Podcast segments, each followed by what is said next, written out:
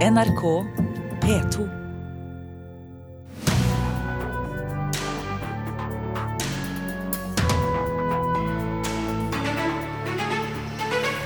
Regjeringen er raus hvis de bytter ut pensjonen til operasangerne og ballettdanserne med tilbud om omskolering, mener redaktør Magne Lerøe. Hør debatten. Litteraturhuset i Fredrikstad ble utestengt fra Facebook uten å få vite hvorfor. Helt uakseptabelt, sier Forbrukerrådet. Og vår anmelder har sett TV-serien som var en av de han gledet seg mest til denne våren. American Gods har en voldsom fantasirikdom, mener han. Velkommen til Kulturnytt. Mitt navn er Stine Tråholt. Regjeringen vil altså fjerne pensjonsordningen til sangerne og danserne på Den norske opera og ballett. I dag går danserne av med pensjon ved 41 år, sangerne ved 52 år og korsangerne ved 56 år. Og om regjeringen får det som de vil, så blir pensjonsalderen den samme, men pensjonen skal erstattes med en treårig omskoleringstilbud. Er variasjon allerede.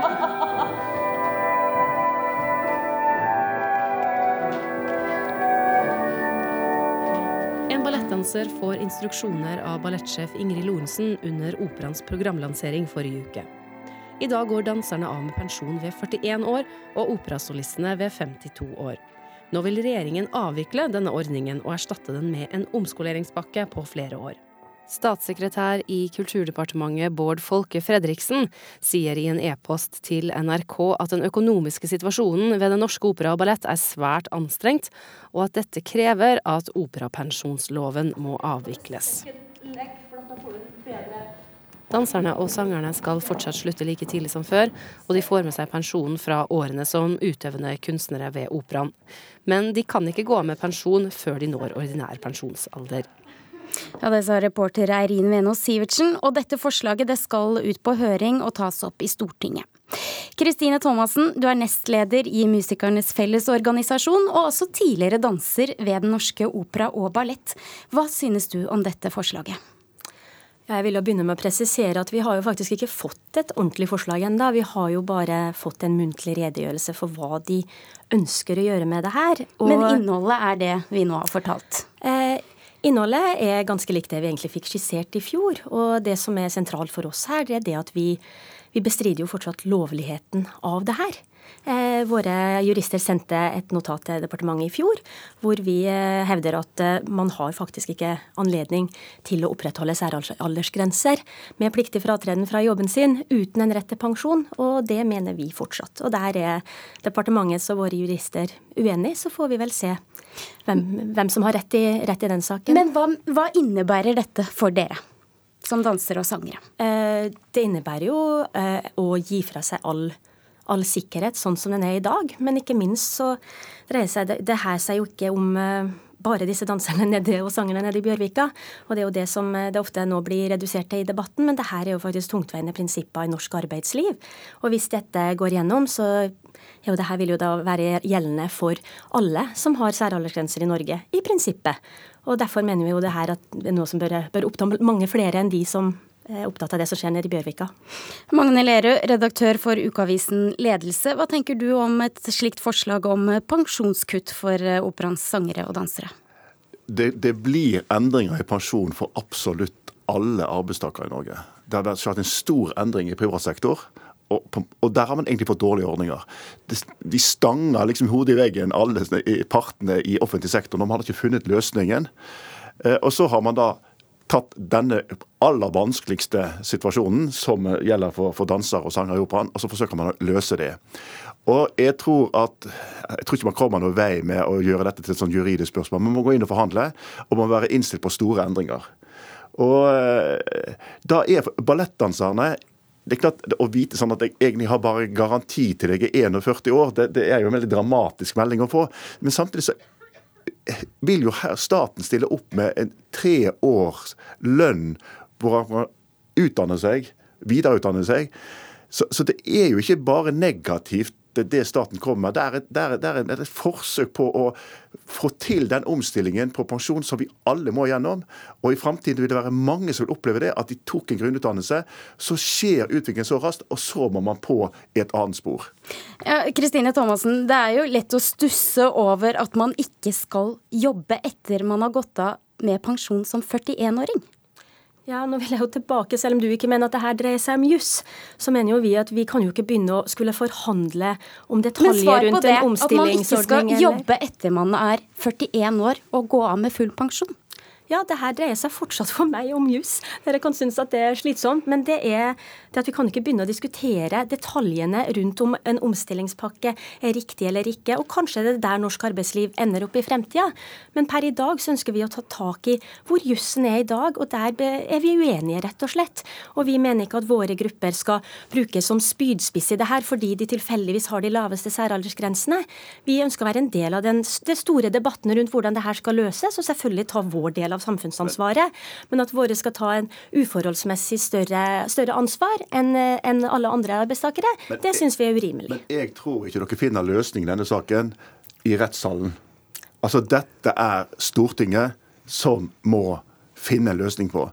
Eh, når dere er kommet i fokus nå, så er det, for, er det fordi Folkefredriksen sier at altså, den økonomiske situasjonen ved, ved Opera Balletten er, er, er dramatisk. Ikke bare pga. deres pensjonsordning, men alle pensjonsordningene der.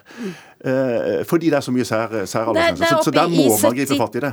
73 eh, millioner kroner i ut, underskudd eh, pensjonskostnader for operaen. Hva tenker dere da at man skal gjøre for å å løse dette problemet? Nei, selvfølgelig. Vi er jo også opptatt av at operaen skal ha en bærekraftig økonomi, sånn at vi kan levere det, eh, det, vi skal, nemlig kunst og kultur av ypperste kvalitet. Men vi er jo også opptatt av at faktisk noen vil tørre å velge disse yrkene i fremtida. Og ikke minst at dagens kunstnere faktisk vil fortsette å være der. Jeg har jo hørt så mange av mine, mine kolleger si at ja, hvis de ikke har noe sikkerhet i bunn, da vil ikke jeg tørre å stå så lenge. Da vil jeg gå tidlig i 30-årene. Og nå har vi nettopp et fantastisk eh, er med Nasjonalballetten Ung, men vi kan ikke risikere at vi får to ungdomskompanier fordi vi mister våre kunstnere på det tidspunktet i karrieren hvor de er på topp og burde danse mest mulig, det, eller synge. Det vil være unge mennesker som vil ønske å bli ballettdansere i framtiden, selv om de vet at når de blir 41 år, så får de tre års lønn av staten og så må de pense inn på en annen utdanning. Det, det, er ikke, det, er ikke, det, er ikke, et håpløst perspektiv å gå inn og starte en kunstnerisk karriere med, med en slik avtale. Men det, det at det er en, en, kunstinstitusjon, eh, skiller det seg litt også fra andre statlige bedrifter? Når ja, man skal altså, ta tak her? Ja, vi må, vi må, ta hensyn. Men det er nettopp denne, den, disse hensynene man må avklare i forhandlinger, istedenfor å si det er ulovlig. Stortinget kan ikke vedta noe sånt. Vi må ha det sånn. Vi, vi, vi må ha rett til å slutte når vi er 41 år, og, og staten skal betale lønna vår, resten, eh, pensjonen resten. Det standpunktet det er det ikke oppslutning for. Og da gjør da gjør man lurere rett og slett ved å gå inn i forhandlinger istedenfor å si at ja, vi går til rettssak. Det, det, det, blir ikke noen løsning på den måten. Hvis det her viser seg å, å, å være innafor, sånn som departementet øh, hevder, så det er klart at vi skal være med å diskutere hvordan det her kan utformes. og Der har vi en masse meninger. Eh, når, Gi et eksempel for hva som kunne vært løsningen for dere. Nei, Vi mener jo for det første at vi må være sikre på at det her er en lovlig avtale. Ja, bortsett det, det er det nummer én. Nummer to er jo det at vi mener at det skal være en rettferdig avtale som gjør at sånn som per i dag så vil f.eks. danserne få omtrent redusert sin livslønn med halvparten, og det mener vi er uforholdsmessig mye i forhold til den støyten alle andre i samfunnet må ta. Eh, og så vil vi ha en ordning som kan være sikre, som gjør oss sikre på at vi faktisk fortsatt kan fremme opera og ballettkunst i Norge. Og du hevder at det alltid vil være unge mennesker som eh, velger velger det her? Ja, kanskje. Men det er ikke en risiko jeg er villig å ta på, vegne av opera- og ballettkunsten. Jeg vil være sikker på at vi også i fremtiden skal ha noe fantastisk å fylle huset i Bjørvika med, og ikke bare snakke om vi skal bruke det til banketter eller bursdager. Men samtidig så må du tenke over det at det er en grense for hvor mye fellesskapet er villig til å betale for at vi skal ha en topp kvalifisert eh, opera og ballett.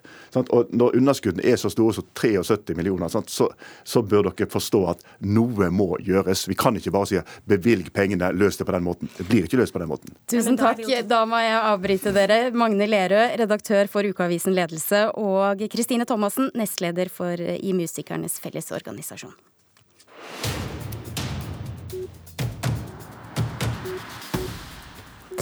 Vi skal holde oss litt til til Den norske opera og ballett, for eh, mens denne pensjonsdebatten raser, så har det de siste dagene også vært snakket og skrevet mye om bråk og konflikter innad i ledelsen ved operaen. Tirsdag så ble det kjent at operaens musikksjef varsler sin avgang fordi han mener det er umulig å samarbeide med påtroppende operasjef Annelise Miskimmen. Operaens styreleder Anne, Katrine, Anne Karine Tanum mener at alle disse konfliktene er svært uheldige for operaen. Vi er veldig opptatt av at eh, i det eh, arbeidet vi begynner på nå, så må vi også eh, diskutere hvordan alle på huset skal forholde seg til hverandre. Hvordan vi skal løse vanskelige situasjoner og eventuelle konflikter. Og vi må bruke mye tid, eh, mener jeg, på hva slags kultur vi skal ha innomhus. For det er klart det er uheldig at eh, så mange saker av denne karakter kommer frem i mediene på, på denne måten. Det var altså operaens styreleder. Mange aviser er altså opptatt av denne saken i dag. Eh, reporter Mari Sand Malm, hva skriver de? Ja, altså Både Klassekampen, Dagsavisen og Aftenposten skriver om denne saken. Eh, Miss Kimmen har jo bl.a. sagt at hun ønsker mer fleksible ansettelser for operasolistene.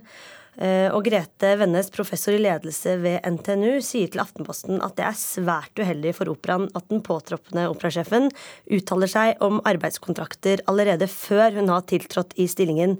Vennes mener styrelederen burde gjort det klart for Miss Kimmen at hun faktisk ikke starter jobben før avtalt dato. Hvis du har vært ute og reist i det siste, så har du kanskje lagt merke til det. På hovedflyplassen Gardermoen så har det vært bygge, en, en, byggeplass i en stund, men nå er det slutt. Um, Gardermoen åpner i dag. Nye Gardermoen. VG de triller terning. Hva får de? VG gir den eh, nye Gardermoen terningkast fem og skriver at eh, dette er noe man kan være stolt av. Helheten er elegant, og fornyelsen av estetikken bringer Gardermoen tilbake til internasjonal klasse, skriver anmelder Lars Elten. Eh, og her forklarer ansvarlig arkitekt Gudmund Stokke litt hva det er de har tenkt. Det skal være hyggelig å komme til Gardermoen.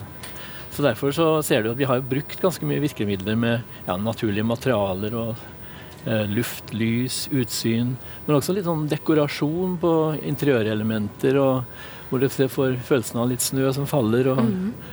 og eh, disse litt spesielle formene vi har introdusert på, på, nede i butikkene. Det er jo formet som stener. Og tenk som eh, at, at altså passasjerene flyter som vann rundt stener. Det er litt sånn en parallell vi har trukket da, som en designinspirasjon for det. Og nå flyr vi videre til Eurovision Song Contest.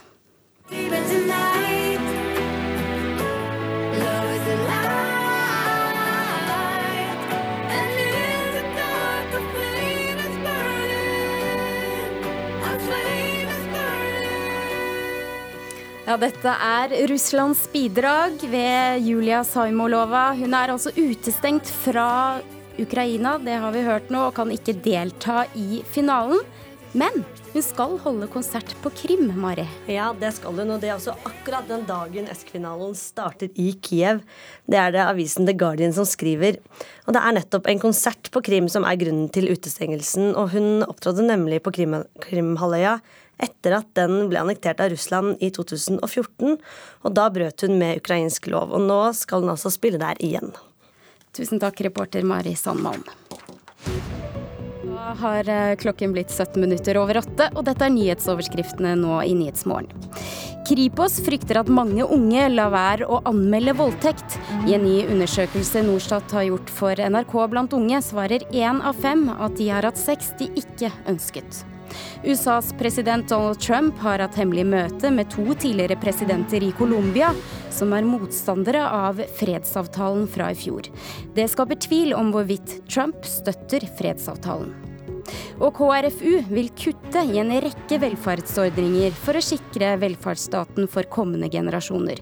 På KrFs landsmøte vil ungdomspartiet foreslå kutt i sykelønna og mulighetene for tidligpensjon.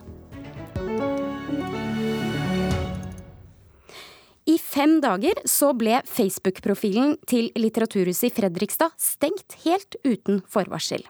Og de private profilene til de ansatte gikk også med i dragsuget. Litteraturhuset har fortsatt ikke fått svar på hvorfor. Og det er helt uakseptabelt, sier Forbrukerrådet, som mener at dette er urimelig praksis i forhold til markedsføringsloven. Hjertelig, hjertelig velkommen til eh, Litteraturhuset i Fredrikstad, og tusen hjertelig takk for at vi fikk lov til å komme hit. NRK-programleder Hans Olav Brenner fikk lov å komme til Litteraturhuset i Fredrikstad, men man kan spørre seg om ledelsen i Facebook er like velkommen, sånn som ståa er i dag. Jeg har ikke fått noen forklaring sier Merete Lie, som er daglig leder ved Litteraturhuset i Fredrikstad. Jeg kan ikke se noe i den måten vi har brukt Facebook på i, eh, i det siste som bryter med eh, praksis som vi har hatt på Facebook. Vi har hatt en profil der i fem år. Likevel ble Litteraturhuset stengt ute fra Facebook i fem dager. Det ble også privatpersoner med tilknytning til sida. Dermed ble det nærmest umulig å holde kontakten med kundene, som i all hovedsak bruker nettopp Facebook. Jeg er helt sikker på at hvis kontoen hadde blitt stående nede i lengre tid, så ville vi veldig raskt ha begynt å tape penger. Merete Lie har altså ikke fått noe forklaring på hvordan dette kunne skje. Det irriterer også Forbrukerrådet. Mitt navn er Finn Myrstad. Jeg er fagdirektør for digitale tjenester i Forbrukerrådet. Han mener oppførselen både er uakseptabel og arrogant. Når de ikke varsler, de gir ingen begrunnelse, og de heller ikke gir folk adgang til å klage. Eh, vi forventer mye mer av en så stor og viktig aktør som Facebook. Så tenk kanskje du, enten du sitter i Tromsø, i Bergen eller på Gjøvik, hvorfor skal jeg bry meg om at Litteraturhuset i Fredrikstad blir kasta ut fra Facebook? Jo, fordi det er en prinsippsak. Facebook har blitt en veldig sentral eh, kanal i folks liv. Der kan du kommunisere, du skal få informasjon. Og du organiserer egentlig alle aspekter av livet ditt gjennom Facebook i dag. Og Facebook har jo sjøl aktivt ønska å ha den rollen. Så når de da stenger folk ute på den måten de har gjort, så mener vi det er fullstendig uakseptabelt og urimelig i henhold til eh, markedsføringsloven, som sier at eh, urimelig praksis som det her ikke bør skje. Facebook vil ikke stille til intervju med NRK, men skriver i en e-post at eh, noen ganger gjør også vi feil. Når det skjer, så retter vi det opp så snart vi blir oppmerksom på det. Og vi unnskylder i den forbindelse direkte til de berørte parter. Det blir i hvert fall ingenting som skjer hvis man ikke klager. Sier medieviter Ida Aalen. I eh, første omgang så kan man jo bli provosert eller oppgitt over at eh, Facebook kan oppføre seg på den måten. Og hvordan går det an, og hvordan kan de tillate seg noe sånt. Og det er jo av den enkle grunnen at de jo egentlig ikke tjener så mye penger på vi som bare bruker dem, eller i hvert fall bedrifter som bare bruker dem. Det de tjener penger på, er jo annonser. Eh, og dette med å behandle klager og ulike sånn kundeservicehenvendelser, det er jo bare en ren utgiftspost for eh, Facebook. Så, sånn sett så er det jo kanskje ikke så overraskende at det kan ta veldig lang tid før man får gode svar fra Facebook, når det bare er en utgiftspost for dem, da. Merete Lie og hennes litteraturhus er tilbake på Facebook. Hun har likevel fått litt å tenke på. Hva kan man gjøre med det? Nei, jeg tenker For det første har vi jo fått en enorm vekker. Så hadde man klart å gjort noe i forhold til forbrukerrettighetene for de medlemmene som går inn og sier ja takk, jeg vil bruke Facebook, så måtte jo det vært det aller beste. Og det var Fredrikstad Blad som omtalte denne saken først. Reportere i dette innslaget var Oddvin Aune og Kirsti Falk Nilsen. En av de nye TV-seriene som det har vært størst, eh, eller store, knyttet store forventninger til, i hvert fall, i vår, er American Gods. Den starter med at hovedpersonen med det eksotiske navnet Shadow Moon slipper ut av fengsel og treffer en mystisk svindler. I love you. Something feels weird. Shadow, we're going to be releasing you a couple of days early. There's no good way to say this, so I'll put it plain. Your wife, she died in the early hours of this morning. Hey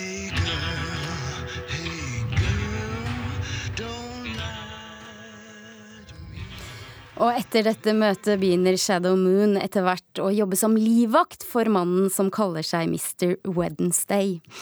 Sigurd Vik i Filmpolitiet, du må hjelpe oss litt nå. Dette, det er guder og litt eh, artige navn. Hva mer? Nei, det her er en eh, TV-serie basert på en fantasy-roman av den prisbelønte forfatteren Neil Gaiman, som da er en historie som tar for seg de gamle amerikanske guder og de nye amerikanske guder, hvis man kan si det så enkelt. Det handler om det vi dyrker, og da har man da gamle guder som blant annet vikinggudene som har kommet til USA, med vikingene som kom dit, eh, slavene som kom fra Afrika, tok med seg sine guder, og man har de store religionene. Og så har man da det vi dyrker nå, som er mer teknologi, media osv., som gjør at man da får eh, konflikt i spillet her, et stort mytologisk bakteppe. Men historia, eh, som vi hørte er litt mer nedpå, den er lett å relatere seg til, og handler da om en kar som kommer i kontakt med denne verden, og som lurer på hva som skjer, men allikevel er både hardtslående nok og traust nok til å bli med på en roadtrip gjennom USA.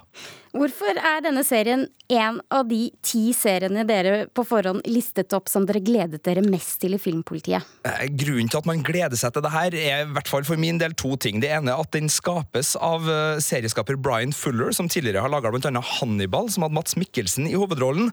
Han er en av de mest estetiske serieskaperne der ute for tiden. Han er veldig god på uh, det stiliserte, groteske og det litt gotiske, og det har han absolutt tatt med seg inn i American God. Gods, så er det selvfølgelig Neil Gaiman som har skrevet boka, som er veldig populær, og så har du Ian McShane, da, skuespilleren for mange kjent fra Deadwood, der han spiller salooneieren eh, Al Swergen, og han har en lignende hovedrolle her som Mr. Wednesday, den her mystiske svindleren. En nydelig eh, sjarmtroll av et rasshøl med en uh, sølvtunge som bare virkelig fascinerer på TV-skjermen, og Ian McShane leverer virkelig også i denne serien, og det er utrolig godt å ha han tilbake på TV-skjermen skjermen. Du sa det, de leverer, men hva ellers er det som gjør den så bra? Du har fått sett to episoder, da. Det må vi jo eh, vi må understreke. to av åtte episoder. Nei, ja. Det som gjør at det starter så bra, er det her uh, Det, altså det renner americana som en velsmakende saus gjennom det her. Den er veldig flink til å fange hele mytologien som utgjør USA. Og så er den ganske viktig, fordi den tar for seg det vi dyrker, og hva som skjer når ulike mennesker dyrker ulike ting, og det skal smeltes sammen og draperes uh, på et bakteppe av den amerikanske drømmen. da, Og det med gamle verdier og gamle guder versus det vi nå tilbringer tid foran, er jo noe som resonnerer også i mennesket i 2017. Så den har absolutt en relevans som gjør at den blir spennende som både samtaleemne og som litt tankeføde. Og så er det en ting Sigurd, som jeg synes er litt interessant, det er at den sendes her i Norge på Amazon Prime, som ble tilgjengelig i Norge rett før jul. Fordi vi er jo vant med både Netflix og HBO eh, Nordic når vi skal se TV-serier. Eh, hvor godt rusta er Amazon Prime til å ta opp kampen mot giganten? Gigantene? Jeg tror de er den utfordreren som virkelig kan gjøre noe. Jeg sier ikke at det skjer, men de har økonomiske muskler i Amazon til å virkelig bli en player for å si det sånn, på det her markedet. De kan utfordre Netflix. De har allerede begynt å reklamere veldig mye for seg sjøl. Hvis du bruker Snapchat-tjenesten, så kan det godt hende at du har sett at plutselig så dukker det opp en Amazon-sak der med de her gamle guttene fra Top Gear, som nå også er fyrt over på Amazon. Og de driver og rører på seg nå, har masse originalserier som er veldig populære, som vinner priser. som Transparent og Mozart in the Jungle. Og så har de da også da kjøpt inn denne serien, som egentlig går på Stars, et kabelnettverk i USA, for å vise den i Norge. Så det er tydelig at eh, Amazon har lyst til å være med på strømmemarkedet. Og til slutt, Sigurd Vik, du skal få lov å trille terningen din eh, for de to første episodene av American Gods. Det blir en solid terningkast fem. Tusen takk, Sigurd Vik, som er filmanmelder i Filmpolitiet. Tyrkia settes under overvåkning av Europarådet. Det ble vedtatt denne uka av par parlamentarikerforsamlingen. Og stortingspolitiker for SV Snorre Valen, du er en av dem i den norske delegasjonen til forsamlingen og stemte for dette vedtaket. Hvorfor det?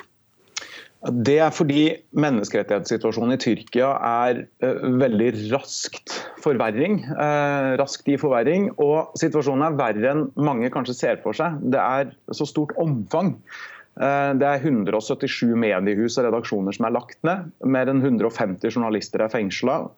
Og tusenvis av offentlig ansatte har, har mista jobben. Eh, så det vi ser nå er et uh, tyrkisk regime som strammer veldig raskt inn, og da må Europarådet reagere, som det hele det europeiske menneskerettighetsorganet det er. Men hva innebærer det egentlig at Europarådet nå skal overvåke Tyrkia? Nei, Det betyr at uh, Tyrkia settes under full overvåking, eller full monitorering som det kalles. Det vil få jevnlige besøk fra såkalte rapportører, som er folkevalgte fra andre land som sitter i denne her parlamentarikerforsamlinga. Tyrkia vil bli gjenstand for faste debatter i forsamlinga. Uh, en, en, ærlig debatt om den faktiske tilstanden i Tyrkia. Og I noen tilfeller så har også Europarådet en fast tilstedeværelse i landet. Det er ti land i Europarådet i dag som er under full monitorering, eh, og før Tyrkia nå ble med, så var det ni. Og Hvilke reaksjoner har kommet fra Tyrkia på dette? Eh, de sier at de nå må revurdere hele sitt forhold til forsamlinga. Og Erdogan har uttalt at han ser på dette som en rent politisk manøver. Det har han for så vidt på ett vis rett i. For det er jo politisk uakseptabelt for det store flertallet i forsamlinga at eh, Tyrkia går den retninga de gjør. Eh, det er tusenvis av mennesker i Tyrkia som har mista jobben i offentlig sektor. 4000 ansatte bare i rettssystemet. Og veldig mange får konfiskert eiendommen sin og inndratt passet i tillegg. Eh, og det er jo helt klart at Et så viktig land som Tyrkia kan ikke Ehm, kan ikke utvikle seg på denne måten at, at vi eh, kan reagere. Mm. Og så er det verdt å nevne også at denne debatten starta jo før det mislykka kuppet eh, i fjor. Eh, og før den utrenskninga som kom som følge av kuppet. Så også i fjor sommer så var det jo ganske tøffe tak i Europarådet om utviklinga i Tyrkia. Så dette er jo noe som har skjedd over tid også. Men så kommer dere også til å følge nøye med på journalistene og pressefrihetens kår i Tyrkia. Hvordan, hvordan, hvordan gjør dere det? Vi krever jo at Tyrkia umiddelbart slipper alle journalister som nå sitter i fengsel, fri i påvente av en ordentlig rettssak. For nå sitter det som sagt mer enn 150 journalister i fengsel i Tyrkia uten lov og dom. Eh, eh, og så må vi være spesielt oppmerksom på alle redaksjonene som er lagt ned eller utsatt for en eller annen form for tvang. Det gjelder ikke bare små og opposisjonelle aviser, det gjelder også noen av de største, sånn som Kumuriet, eh, en, avis, en av Tyrkias eldste aviser. Mm. Der redaktøren er fengsla, og tolv andre journalister er det. Og så er det den her selvsensuren da, som sprer seg i, i Tyrkia. Altså, siden så mange journalister er ramma av undertrykking, så er det jo tusenvis av journalister som også slutter i jobbene sine og, og prøver å gjøre noe annet for å beskytte seg sjøl. Vi må avslutte. Snorre Valen, takk for at du var med i Kulturnytt. Produsent for Kulturnytt i dag var eh, Vidar Sem. Nå får du Dagsnytt her i NRK P2 og Alltid nyheter. Hør flere podkaster på nrk.no podkast.